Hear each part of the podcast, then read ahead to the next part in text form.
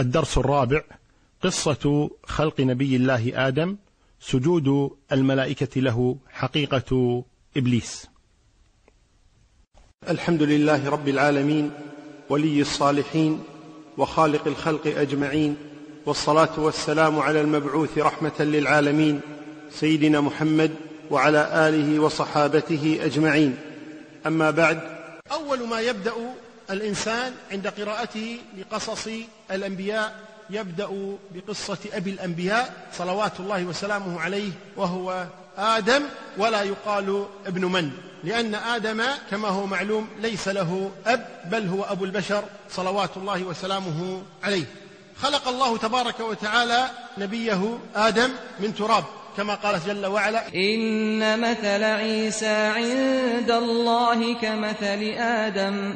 خلقه من تراب ثم قال له كن فيكون.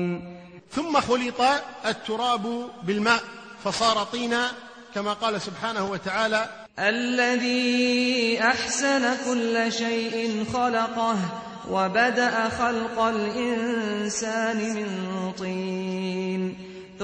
ثم جعل نسله من سلالة من ماء مهين. ثم سواه ونفخ فيه من روحه وجعل لكم السمع والأبصار والأفئدة قليلا ما تشكرون.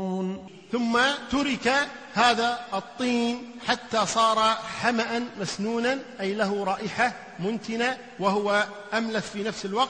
قال سبحانه وتعالى وإذ قال ربك للملائكة إني خالق بشرا من صلصال من حمأ مسنون. ثم ترك حتى جف فصار كالفخار وهو مصداق قول الله تبارك وتعالى خلق الإنسان من صلصال كالفخار وخلق الجان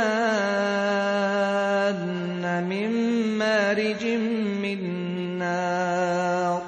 فهذا الذي ذكره الله تبارك وتعالى ذكر أن الإنسان خلق من صلصال كالفخار خلق من طين لازب خلق من تراب كل هذا في وقت غير الوقت الآخر.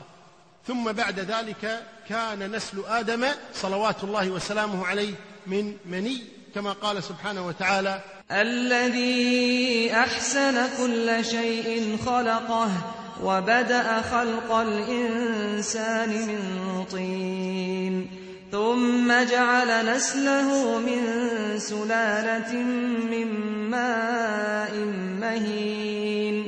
ثم سواه ونفخ فيه من روحه وجعل لكم السمع والأبصار والأفئدة قليلا ما تشكرون. فآدم خلق من تراب وذريته بعد ذلك خلقت من ماء مهين من نطفة من مني يمنى. عن عائشة رضي الله عنها قالت قال رسول الله صلى الله عليه وسلم خلقت الملائكة من نور وخلقت الجان من مارج من نار وخلق آدم مما وصف لكم. أخرجه الإمام مسلم في صحيحه. أما صفة آدم فقد روى أبو هريرة رضي الله عنه عن النبي صلى الله عليه وسلم أنه قال خلق آدم وطوله ستون ذراعا. وهذا أخرجه الإمامان البخاري ومسلم. وما زال الخلق بعد ذلك ينقص حتى يومنا هذا. ثم خلق الله تبارك وتعالى من آدم زوجه حواء ويقال زوج وزوجة وزوج أصح في اللغة العربية وزوجة صحيحة.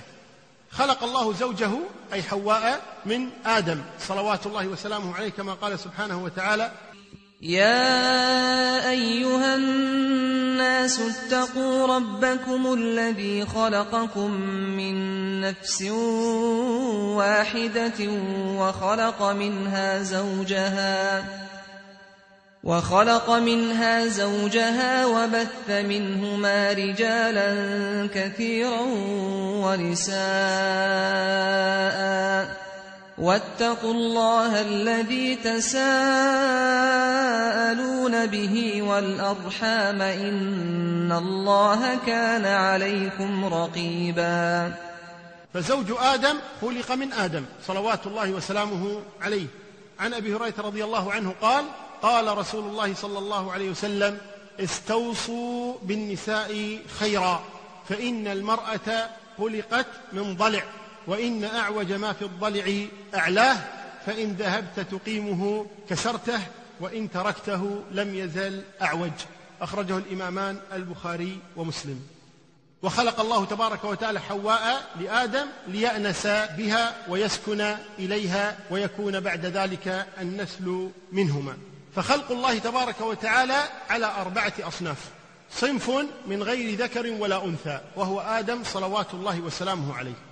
وصنف من ذكر دون أنثى وهي حواء وصنف من أنثى دون ذكر وهو عيسى صلوات الله وسلامه عليه وصنف من ذكر وأنثى وهو سائر الخلق من البشر خلقوا من ذكر وأنثى.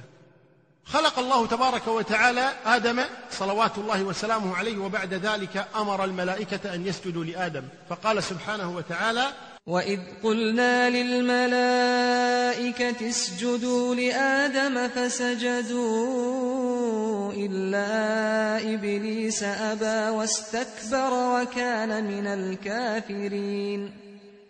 هذا السجود قد يشكل على بعض الناس كيف يأمرهم الله تبارك وتعالى أن يسجدوا لآدم والسجود لغير الله شرك. السجود على الصحيح ينقسم إلى قسمين إلى سجود عبادة وإلى سجود تحية. سجود العبادة لا يجوز إلا لله تبارك وتعالى. هذا سجود العبادة. وهذا لم يأمر الله تبارك وتعالى الملائكة به أبدا. ثم السجود الثاني وهو سجود التحية. وهذا السجود كان مشروعا في الأمم السابقة. ثم نسخ وحرم في شريعة محمد صلى الله عليه وسلم. وهذا ليس فيه عبادة وإنما فيه تحية. ومنه أمر الله الملائكة أن يسجدوا لآدم سجود تحية لا سجود عبادة. وكان هذا مشتهرا عند الأمم السابقة. ولذلك قال يوسف صلوات الله وسلامه عليه لأبيه يعقوب إذ قال يوسف لأبيه يا أبت إني رأيت أحد عشر كوكبا إني رأيت أحد عشر كوكبا والشمس والقمر رأيتهم لي ساجدين. ثم كان مصداق هذه الرؤيا ورفع أبويه على العرش وخروا له سجدا أي سجود تحية. سجدوا له سجود تحية وكان مشروعا في شريعتهم جائزا. ولذلك لما ذهب معاذ رضي الله عنه إلى الشام ثم رجع إلى النبي صلى الله عليه وسلم سجد للنبي صلوات الله وسلامه عليه. فقال له النبي صلوات الله وسلامه عليه ما هذا يا معاذ؟ قال يا رسول الله رأيتهم هناك يسجدون لملوكهم وبطارقتهم فوالله لأنت أحق بهذا. صلوات الله وسلامه عليه. فنهاه النبي صلى الله عليه وسلم وقال إن هذا لا يجوز إلا لله. فرؤية معاذ لأولئك القوم هم على العهد السابق أنهم يسجدون لكبرائهم من باب التحية لا من باب العبادة. فنهى النبي صلى الله عليه وسلم عن ذلك. وفي الحديث الآخر لما سجدت الدابة للنبي صلى الله عليه وسلم أخبر صلوات الله وسلامه عليه أن السجود لا يجوز إلا لله ثم قال ولو كنت آمرا بشرا أن يسجد لبشر لأمرت المرأة أن تسجد لزوجها لعظم حقه عليها. لكنه نسخ. ففي شريعة محمد صلى الله عليه وسلم لا يجوز السجود. لا سجود العبادة ولا سجود التحية. بل صار السجود علامة على العبادة. فلا يجوز السجود إلا لله تبارك وتعالى. أمر الله الملائكة أن يسجدوا لآدم صلوات الله وسلامه عليه. وكان إبليس مع الملائكة. فلم يسجد. امتنع اولا ثم أباح بالسبب فقال أنا خير منه خلقتني من نار وخلقته من طين. وقال أأسجد لمن خلقت طينا؟ فهو يعترض على حكمة الباري سبحانه وتعالى. وهذا الكلام مرفوض لا شك لأن الله تبارك وتعالى أمر وأمر الله واجب التنفيذ سبحانه وتعالى. فهل كان إبليس من الملائكة؟ لما أمر بالسجود مع الملائكة أو كان مع الملائكة. الصحيح أن إبليس كان مع الملائكة ولم يكن من الملائكة وإنما كان معهم كما في قول الله تبارك وتعالى وإذ قلنا للملائكة اسجدوا لآدم فسجدوا إلا إبليس كان من الجن ففسق عن أمر ربه. أفتتخذونه وذريته أولياء من دوني وهم لكم عدو. بئس للظالمين بدلا. فإبليس من الجن والجن خلقوا من نار. وإبليس قال خلقتني من نار. والنبي أخبر أن الملائكة خلقوا من نور. فإبليس إذا ليس من الملائكة وإنما كان مع الملائكة. فأمره بالسجود بالتبعية. لأنه كان معهم لأنه ذكر أنه كان من عباد الجن فأكرم بأن جعل مع الملائكة لكنه لم يكن معهم ولذلك خانه طبعه اللئيم لما أمره الله بالسجود فتكبر وقال أأسجد لمن خلقت طينا؟ ولذلك ذكر أهل العلم أن سبب الهلاك بشكل عام هو الحسد والكبر والحرص. أما الحسد فإن إبليس حسد آدم. وأما الكبر فإنه تكبر على أمر الله تبارك وتعالى. وأما الحرص فهو ما سيقع لآدم صلوات الله وسلامه عليه وحواء عندما أكلا من الشجرة. فهذه الأمور الثلاثة الحسد والكبر والحرص كما يقول شيخ الإسلام ابن تيمية هي سبب وقوع الناس في معصية الله تبارك وتعالى. امتنع إبليس عن السجود فكان الرد من العزيز سبحانه وتعالى فاهبط منها فما يكون لك أن تتكبر فيها فاخرج إنك من الصاغرين. فكان الجزاء من جنس العمل. فلما كان عمل إبليس تكبرا جاء الصغار عقوبة من الله تبارك وتعالى لهذا الشيطان المريد. قال رب فأنظرني إلى يوم يبعثون. فجاء الرد من الله تبارك وتعالى. قال فإنك من المنظرين إلى يوم الوقت المعلوم. وكل هذا لحكمة أرادها الله سبحانه وتعالى منها الابتلاء والامتحان حتى يميز الخبيث من الطيب. عندها أعلن إبليس عداوته وجهر بها وصاح بما كان يكتم ابتداء فقال قال فبما أغويتني لأقعدن لهم صراطك المستقيم. ثم لآتينهم من بين أيديهم ومن خلفهم وعن أيمانهم وعن شمائلهم ۖ ولا تجد أكثرهم شاكرين. فكان الرد من الله سبحانه وتعالى. قال اذهب فمن تبعك منهم فإن جهنم جزاؤكم جزاء موفورا. واستفزز من استطعت منهم بصوتك وأجلب عليهم بخيلك ورجلك وشاركهم في الأموال والأولاد وعدهم وما يعدهم الشيطان إلا غرورا إن عبادي ليس لك عليهم سلطان وكفى بربك وكيلاً ثم تأتينا الحادثة الثانية لآدم صلوات الله وسلامه عليه وهي في قول الله تبارك وتعالى وإذ قال ربك للملائكة إني جاعل في الأرض خليفة. خليفة يخطئ بعض الناس فيقولون خليفة عن الله أو يقولون خليفة الله في الأرض وهذا خطأ بل خليفة يخلف بعضهم بعضا. كما قال الله تبارك وتعالى وهو الذي جعلكم خلائف الأرض وقال فخلف من بعدهم خلف فالناس يخلف بعضهم بعضا. لا يخلفون الله تبارك وتعالى بل الله هو الخليفة. ولذلك إذا سافرت تقول عن الله تبارك وتعالى وأنت الخليفة في الأهل فالله خليفة عن كل أحد. ولا يكون أحد خليفة عن الله تبارك وتعالى لأنه يلزم منه أن الخليفة محتاج إلى من استخلفه. والله الغني سبحانه وتعالى لا يحتاج إلى أحد أبدا. فالخليفة من الله وليس الخليفة عن الله تبارك وتعالى. فلما قال الله هذا للملائكة قال الملائكة قالوا أتجعل فيها من يفسد فيها ويسفك الدماء ونحن نسبح بحمدك ونحن نسبح بحمدك ونقدس لك. هذا سؤال من الملائكة وهو كما قال أهل العلم سؤال استعلام لا سؤال اعتراض بدليل أنهم لما أمرهم الله بالسجود سجدوا أجمعون. فهم لا يعترضون. ولذلك قال الله تبارك وتعالى في وصفهم لا يعصون الله ما أمرهم ويفعلون ما يؤمرون. وصفهم بأنهم عباد مكرمون. وغير ذلك من وصف كريم وصف الله به الملائكة. فسؤالهم إذن سؤال استعلام. أتجعل فيها من يفسد فيها ويسفك الدماء؟ ونحن نسبح بحمدك ونقدس لك. وهنا يسأل كثير من الناس كيف عرف الملائكة أن آدم ونسله سيفسدون في الأرض. وقد ذكر أهل العلم لهذا السؤال أربعة أجوبة.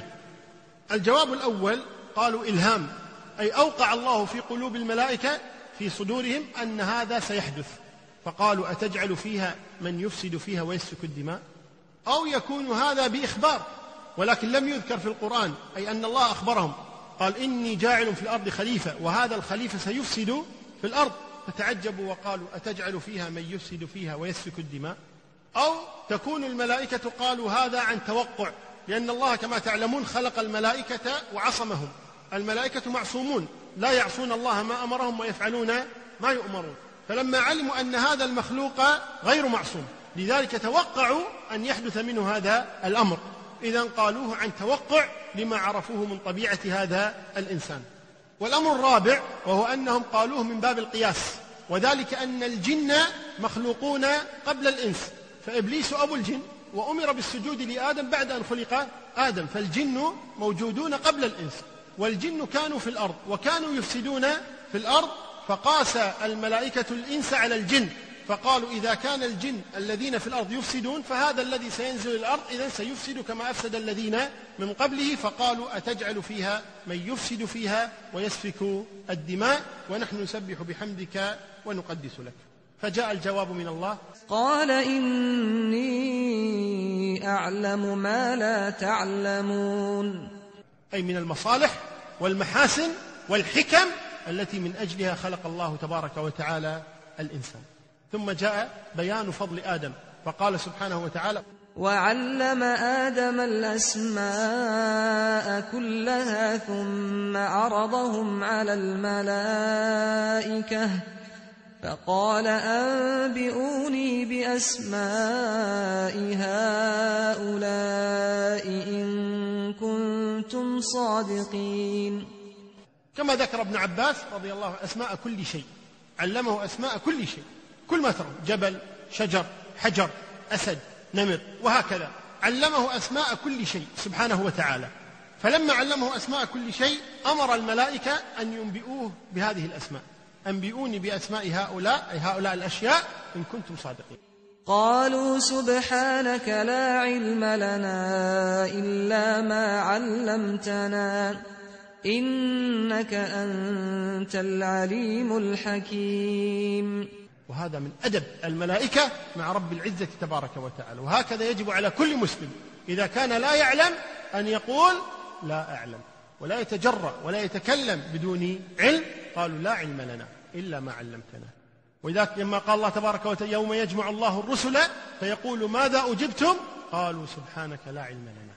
فالإنسان دائما إذا كان لا يعلم يقول لا أعلم لا أعلم ويرتاح. وفي هذا بيان فضل العلم إذ ميز الله آدم صلوات الله وسلامه بالعلم وعلم آدم الأسماء كلها ثم عرضهم على الملائكة. ثم قال لآدم أنبئهم بأسمائهم.